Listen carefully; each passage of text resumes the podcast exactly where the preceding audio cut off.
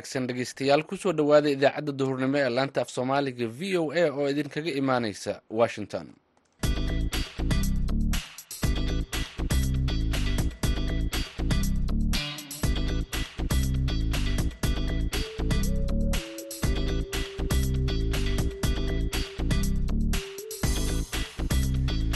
waa duhurnimo jimco ah lix iyo tobanka bisha disembar sanadka labada kun laba iyo labaatanka. Waxaad naga dhagaysanaysaan mawjadaha gaagaaban ee lix iyo tobanka iyo sagaal iyo tobanka mitirban efemyada magaalooyinka geeska afrika iyo bogga v o a somaly com.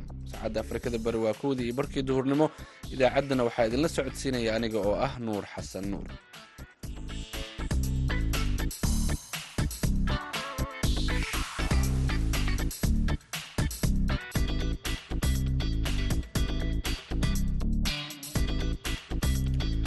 qodobada aada idaacaddeenna duhurnimo ku maqli doontaan. Waxaa ka mid ah barnaamijka sooyaalka dhaqanka oo aan ku eegi doono waraysi ku saabsan buug laga qoray taariikhda dhaqanka ee magaalada berbera. Buugga magaciisu waa hortay jire taariikhdii berbera iyo tixii cali jaamac sida magaca laga hilaadin karo waxaa isku lamaan cali jaamac xaabiil iyo berbera oo ah laba aan la kala saari karin oo isku sidkan. Waayo cali berberuu ku dhashay berberana wuu ku dhintay. Ciyaarihii iyo kaalimihii heesaha ayaad sidoo kale maqli doontaan balse intaas oo dhan waxaa ka soo horreeya warkii caalamka.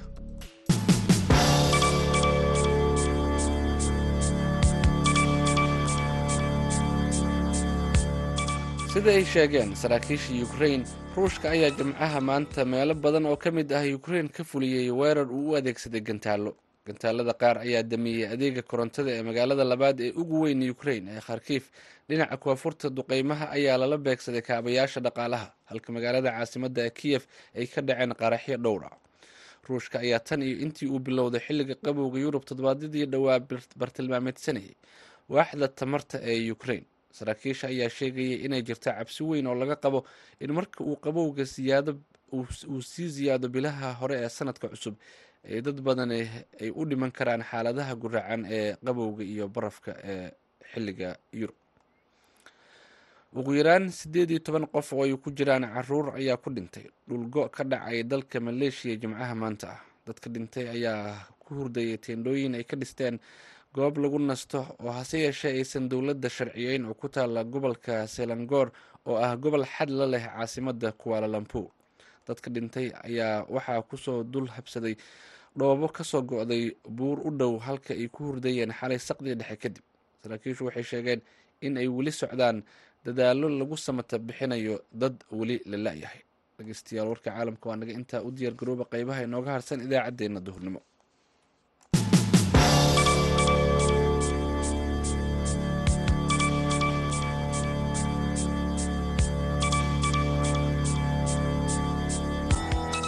duhur wanaagsan dhegeystayaal halkaad nagala socotaan waa v o a. Haatan ku soo dhowaada barnaamijka sooyaalka dhaqanka. Waxaa inoo soo diyaariyey soona jeedinaya wariyaha v o e da cabdikariim olol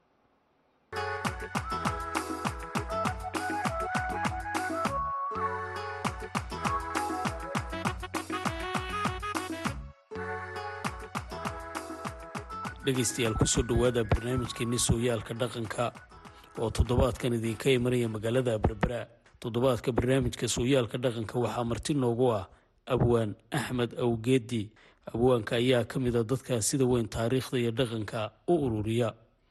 Waana kaga mahad celinaynaa kulankaaga barnaamijka sooyaalka dhaqanka idaacadda v o a. Aada iyo aad ba u mahadsantihiin waana dhowahay adiyo dhegeystayaashana waan salaamaya. Abwaane waxaa jiray dhowaantan inaad qortay buug. Hortaa jire buuggaas oo ka hadlaya taariikhdii berbera tixihii cali jaamac xaabiil dhaqan fara badan iyo sooyaal badanna uu ku jiro. Bal ugu horeyn buuggaasi ujeedooyinka aada u qortay iyo dhaqanka uu ka hadlayo bal noo faahfaahay bismillaah buugga magaciisu waa hortay jire taariikhdii berbera iyo tixii cali jaamac sida magaca laga hilaadin karo waxaa isku lamaan cali jaamac xaabiil iyo berbera oo ah laba aan la kala saari karin oo isku sidkan. Waayo cali berberuu ku dhashay berberana wuu ku dhintay. Hortay jire waxay sheegaysaa waqti hore waayo cali jaamac xaabiil wuxuu dhashay kun iyo sideed boqol iyo afar iyo afartankii. Raago ugaas buu afar sano ka yaraa rag badan bayse soo gaadheenoo maxamed liibaan jadeer maxamed liibaan tayaag cabdi fadal maxamed bulxan jaamac dhikil raggaasa isku waqti ahaayeen. Marka magacu xilligaasuu ka turjumayaa taariikhda berbera ayuu ka hadlayaa buugu berberi. Dee sidaan maanta ahayd may ahayne waayo badan bay soo martay. Waxay ka mid ahayd magaaladonka xeebaha soomaalidu degto kuwooda ugu magac dheer. Marbaa dadka soomaalida loo yaqaan reer berbera la odhan jirayo berberaawiyiin ama dadkii reer berberaa sida xoolaha soomaalida imika loogu yaqaano berberaawi ayaa dadka soomaalida berberyiin la odhan jiray. Marka taariikhdeedii xilligaa hore ee uu cali noolaa wixii aan ka soo gaadhay amaba dadku ii sheegeen macnaha wixii aan ka helay baan u jeedaa ee waayeelku ii sheegay ama meelaha ku qornaa ayaan isu soo finiyey dabadeedna waxaan isugu keenay buuggan la yidhaahdo hortay jire marka buuggu maaha diiwaankii cali laakiin waxa weeyaan hab cilmi baadhiseed ayuu u qoran yahay oo cali iyo noloshii beriga cali iyo haddii hogaamintiisii cali iyo gabaygiisii cali iyo cidday isu gabyeen cali iyo noloshii uu ku noolaa xilligaas ee berbera iyo waayaheedii ayaan runtii ku soo ku soo qoray wixii aan ka heli karayay abwaan aad baad umahadsan tahay buuggu waa buug aada u xajmi badan cutubyada badanna ka kooban bal taariikhda iyo intaad waday iyo meelahaad u martay bal iga war. Wallaahi kolleyba dee markuu qof ururinayo buug weliba boqol sano ka hor nin dhintay oo aan meel waxyaalaan ama laabrary aad tegaysa aanay jirin waad garan kartaa hawshaasi hawl fudud inaanay ahayn. Waa hawl dowladda qabato marka buug la qorayo dowladunbaa ma garanaysa ay hawshaa ka bixi karta laakiin qof isxiqaamay oo isagu iswada keligii hawshaasi ma yaraa. Waxaan tegey berberaan dhowr jeer ku soo noqday. Waxaan tegey jabuuti baan tegey. Waxaan tegey jigjigaan tegey burcaan tegey waxaan tegey magaranaysaay meelo kamida gobolka sool iyo haddii bahay kore ceregaabo. Booramaan tegey. Adigu somalilan magaalooyinka inta badan waan maray amaba dadkan dee telefoonna kuula xidhiidhay oo meeshu doogano ha joogay waayeelka waan waraystay runtii. Wixii aan qoraal ku helay ee dad shisheeye qoreen iyo wixii maskaxda soo jireenka ku jiray markii aan isu geeyey ayaa ka dhashay dee ayaan ayuu ka dhashay buuggani hortay hortay jiri. Marka runtii hawl yar may ahayn berbera marka la yidhaahdo taariikhda uu ka sheekeynaya waa taariikhdii tukriga waayo cali ingiriis wax yar buu ka soo gaadhayba laakiin tukrigu berbere aada buu u dhisay.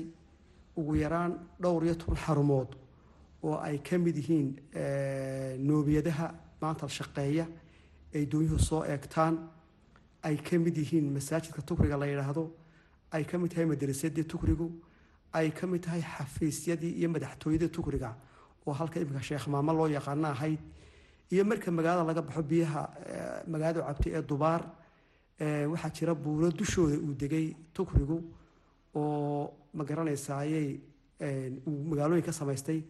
Waxaasoo dhani buuggay ku yaalaan oon kaga hadlaya waa labo dhigaal oo aada u waaweyn taariikhda berbera iyo taariikhdii cali aad kaga hadashay.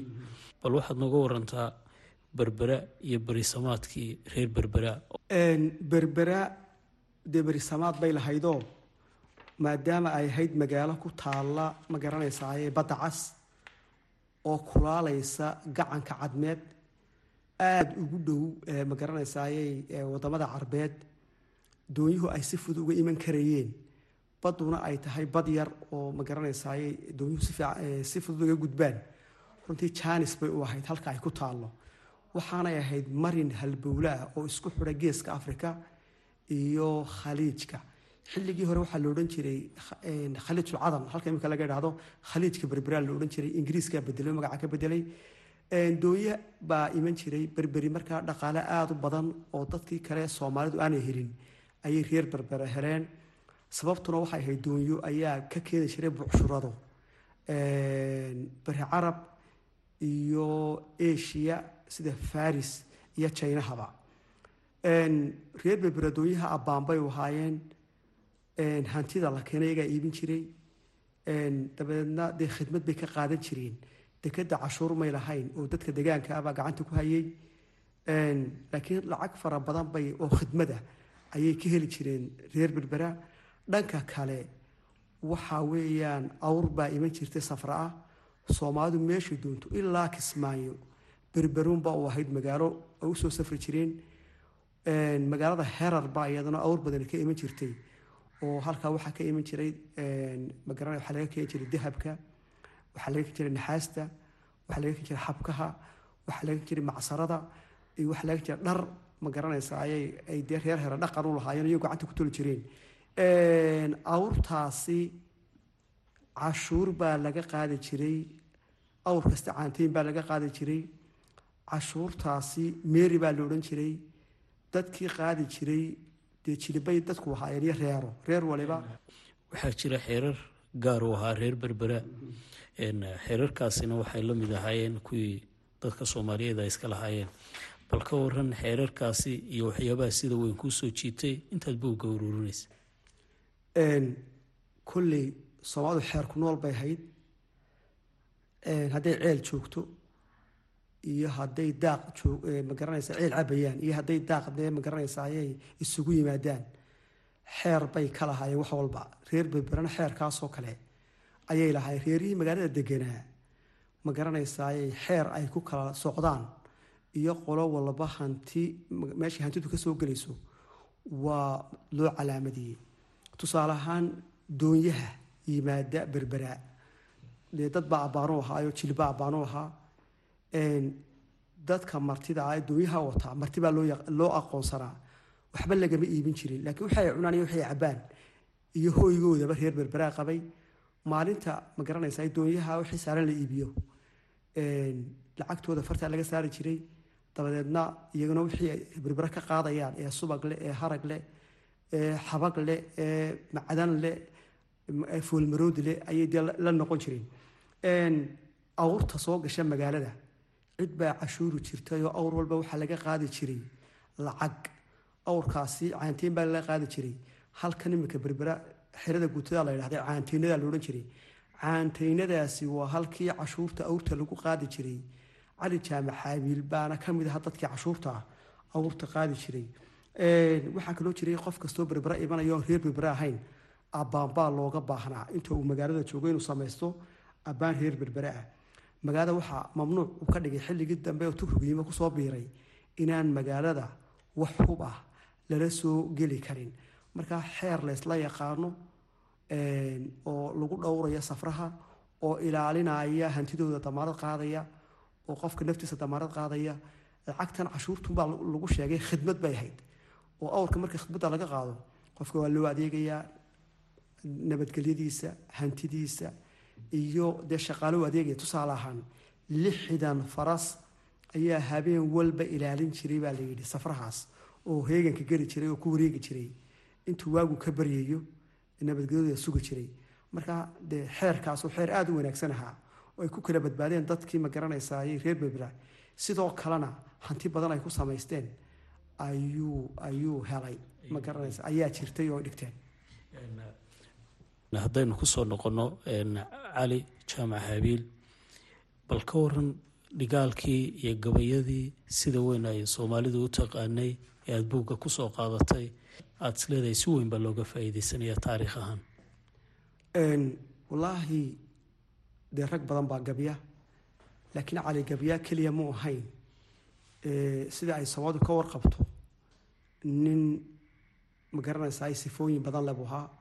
Horta dee nin buu ahaa hogaamiye ah oo dee hogaamiye bulshuu ahaa. Ninkaa dee berbera ma garanaysaa odayaasheeda ka mid iyo maamuladeediibuu ahaa. Wuxuu ahaa nin sifooyin badan oo hadday deeq tahay iyo hadday dulqaad tahay iyo hadday dadwo tahay iyo xitaa hadday tahay fahan wanaagsan oo caalamka ka haystay. Cali jaamac xaabiil waa ninkii ugu horeeyey ee gumaystihii gabay u tiriyey. Ingiriisku wuxuu isku dayay inuu berbera soo galo. Saddex shan dhacdaa buugga ku qoran. Markibkii ugu horeeyey ee ingiriisa ee berbera yimi ee ganacsi ah reer berbera way weerareen waanu degay. Shaqaalihii la socdayna way laayeen oo laba qof bay dileen iyo qof iska yimaada ma garanaysaa iyagu aan dee damaanadooda ku iman. Ingiriisku mar labaad ayuu soo qaaday weerar uu reer berbera ku soo qaaday kun iyo sideed boqol iyo toddobiyo labaatankii berbera dhiiggaa qulqulay. Shan waxa weeyaan ciidan dhan oo doonyo wata oo ingiriisa maraakiib wata ayaa berbera yimi deedna reer berbera isdileen way iska caabiyeen nin bay dileen. Dad badan baa dhintay laakiin may jabin reer berbera kun iyo sideed boqol iyo shan iyo kontonkii richard berton ninkii sheekha sheegtay sheekh cabdallah ayay reer berbera weerareen. Wafdigii wuxuu ahaa ninba ka dilan sarkaala isaga iyo saaxiibkii kalena dirqi bay ku baxeen. Kun iyo sideed boqol iyo toddobaatankii wafd kun iyo sideed boqol iyo toddobaatankii wafdi buu soo daray ingiriisku. Uu leeyahay aan heshiino magaalada aan dego dabadeedna way way weerareen. Mar kaley weerareen reer berbera aakhirkii dhinac kale ka wareegay ingiriiskiio nin la yidhaahdo hunter oo genaraal ahaa oo ciidamada indiya ma garanaysa madax u ahaa ayaa yimi berbera lacag buu soo qaaday ha layga iibiyo. Reer berbere waa kuwa yidhi berberi wax go- lagu qaado ka weyn.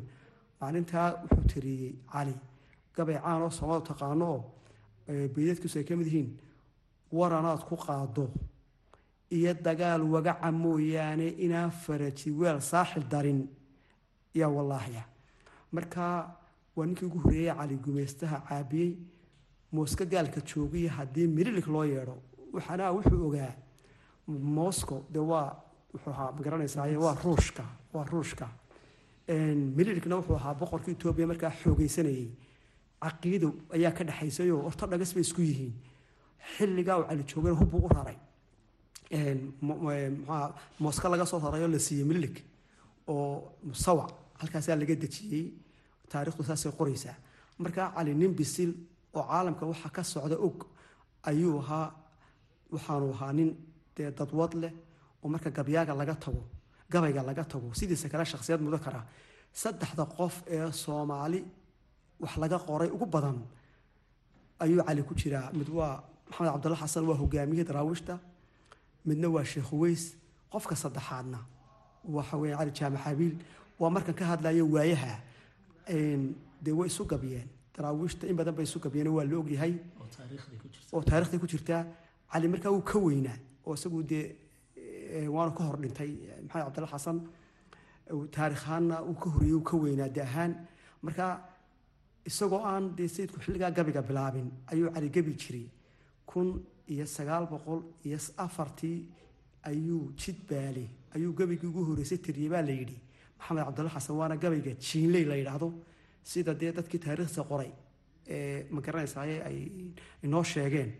Laakiin dee cali waxa weyaan xilligaa xilli ka horeysa ayuu gebi jiray maadaama dee nin weyn uu isagu ahaa waxaanu dhintay. Dadku ma yaqaanaane oo kun iyo sagaal boqol iyo sagaal tan yidhahdaan laakiin wuxuu dhintay kun iyo sagaal boqol iyo sagaalkii canjeel talawaa markuu dhacay. Ayuu ayuu ayuu ayuu dhintay daraawiishtii halkaa ka soo qaxdayna waxay ugu yimaadeen meel burca iyo sheekh udhexaysa dabeedna gabayga tumaati la yidhaahdo. Ayuu dhacdada ka tiriyey oo daraawiishtii halkaa timi. Uu ma garanaysa ayuu u tiriyey. Dee taarikhda ballaaran buu markaa cali lahaa. Aada iyo aad baad u tahay dhegeystayaal weli waxaynu ku jirnaa barnaamijkeeni sooyaalka dhaqanka oo toddobaadkan idinka imanaya magaalada berbera abwaane taariikh badan baad ka soo sheekaysay waxyaabaha ay ka dhigan tahay in la ilaaliyo taariikhdan iyo jiilka dhalinyarada wixii aad ka soo shaqaysay ee aad ku daashay aad u soo jeeday aad u dhafartay markay dadku aqbalaan ama akhriyaan ama soo dhoweeyaan ama xafladda laga dee loo qabtay ay ka soo qeyb galaan runtii waxay ku tahay dee waa niyaayir. Aada iyo aad baad ugu farxaysaa. Marka arrin aada iyo aada loogu diirsado dadkii oo qoraalkii u soo jeestay dhallinyaradii oo meeshay soo camiraysa dadkiioo wax akhriyaya qof walba ku weydiinayo buug baan wadaaye. Ma tusaayo maadila eegayo sidaan waxay dhahdaa marka runtii de ummad baynu nahay. Ummaduna waxa weya taarikh bay leedahay dhaqan bay leedahay af bay leedahay. Ummadahana intaas maynu kaga duwannahay. Dad badan baynu caqiido wadaagnaa. Sheekooyinka la soo xigto wax qoran maaha oo dad badan baad u tagtay waxyaabaha kaaga baxay intaad soconaysay ama taariikhaha kale aad aragtay iyo waxaa sida weyn kuu dhiirigelaya maxaa ka mid a markaad la kulantay waayeel oday ka sheekee ninaad geed ugu tagto iyo midaad tuulo ugu tagtaba horta soomaalidu waa dad oral society ah. Dee waxba may waxba may noomay qorayn waa cilmi dhagood waxaynu haynaa ab laga soo gaadh odayba odayba u dhiibay sheekooyin dee yaab badan oo dadku si fiican u hayaan waxaad kaloo arkaysaa sheekooyin la haylhaylay oo qofba si u hayo oo qofba si u warinayo oo qofba si siduu jecliyo ma garanaysaay u sheegayo. Marka laakiin taariikhaha yaab kale macnaha habka dhaqanka ee guurkeennu siduu milgaha u lahaa tusaale ahaan niman reer gaashaamo ah ayaa waxay dooneen gabadh reer buu hoodlaa dabadeedna labayo toban nin bay ahaayeen labayo toban qori bay siteen labayo toban faras bay saarnaayeen. Dabadeedna markay meeshii tageen waxaa lagu yidhi gabadhii waanu idin siinaynaa. Laakiin shuruud kow horta meherkeedu gabadha yararkeedu waa boqol halaad. Meherkeeduna waa boqol halaad. Saalixiyaa noqonaysaan baa saalixiya iyagu qaadiriyay ahaayeen oo dariiqadii baynu ka hadlaynaa. Saalixiyaa noqonaysaan labayo tobanka faras ee saaran tihiin iyo labayo tobanka qoryaa sidataanna waa ka tegaysaan shuruudu waa taa. Nimanka talaa ku caddaatay geedka u baxeen. Nimaan aanay garaad badan ku tuhumayn oon weliga waxba la weydiin. Baa yidhi tolow aniga maanta ha lay daayo. Arrinka haa. Wuxuu dhegaysta boqolka halaad ee yaradka waynu bixinaynaa boqolka halaad ee meherka. Habeenkii marka gabadha la soo hooyo ninku yaanu la hadlin yaanu waxba cunin ha kada loobsoo dhafoorada ha qabsado. Maxaa ku helay marka tidhaahdo? Ha yidhaahda boqol halaad oo meherkaagiyaa layga doonay mana hayo. Iyadaa ka dii doonta buuhi saalixyana imika waynu noqonaynaa. Maalinta aynu tegayno qoryaha iyo fardahana waynu dhiibaynaa laakiin maalinta aynu tegayno ayaynu ku xila furaynaa in fardihii iyo qoryihii lona siiyo mooyaane aanaan tegaynin sidii baa u dhacdayoo horta gabadhii ninkii meherkii way ka daysay laba sideetan haad bay ka daysay fardihii iyo qoryahoodiina waa loo soo celiyey.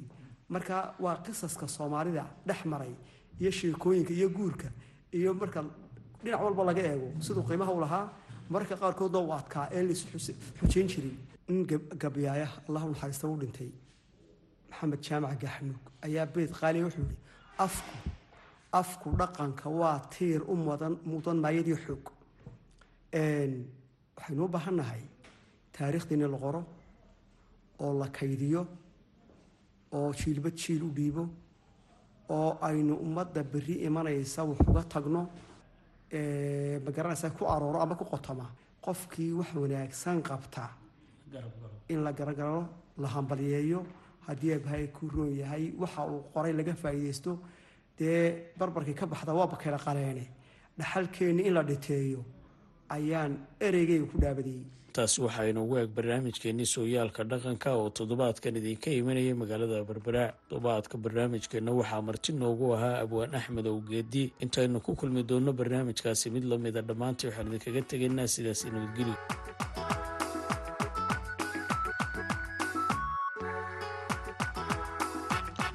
aad ayuu u mahadsan yahay cabdikariim olol oo inala socodsiiyey barnaamijkaasi sooyaalka dhaqanka. Haatanna wararkii ugu dambeeyey ee ciyaaraha.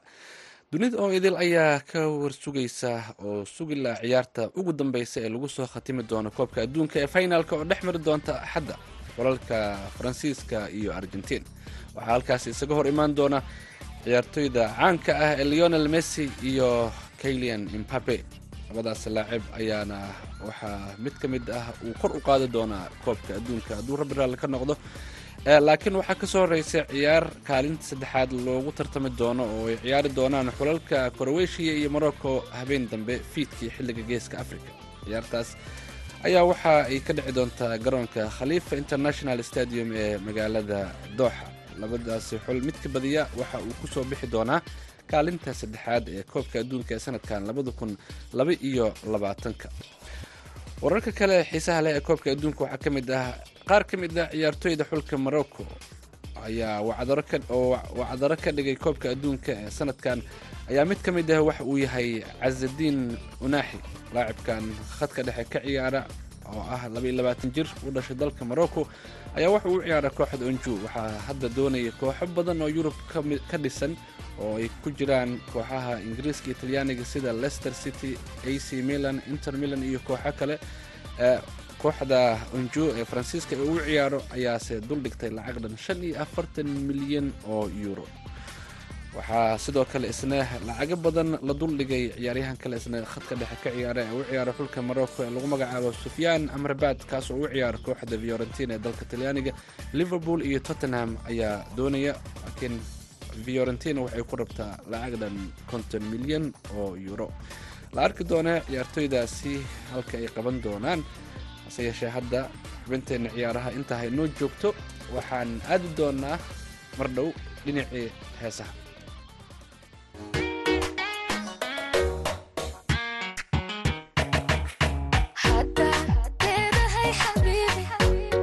keliga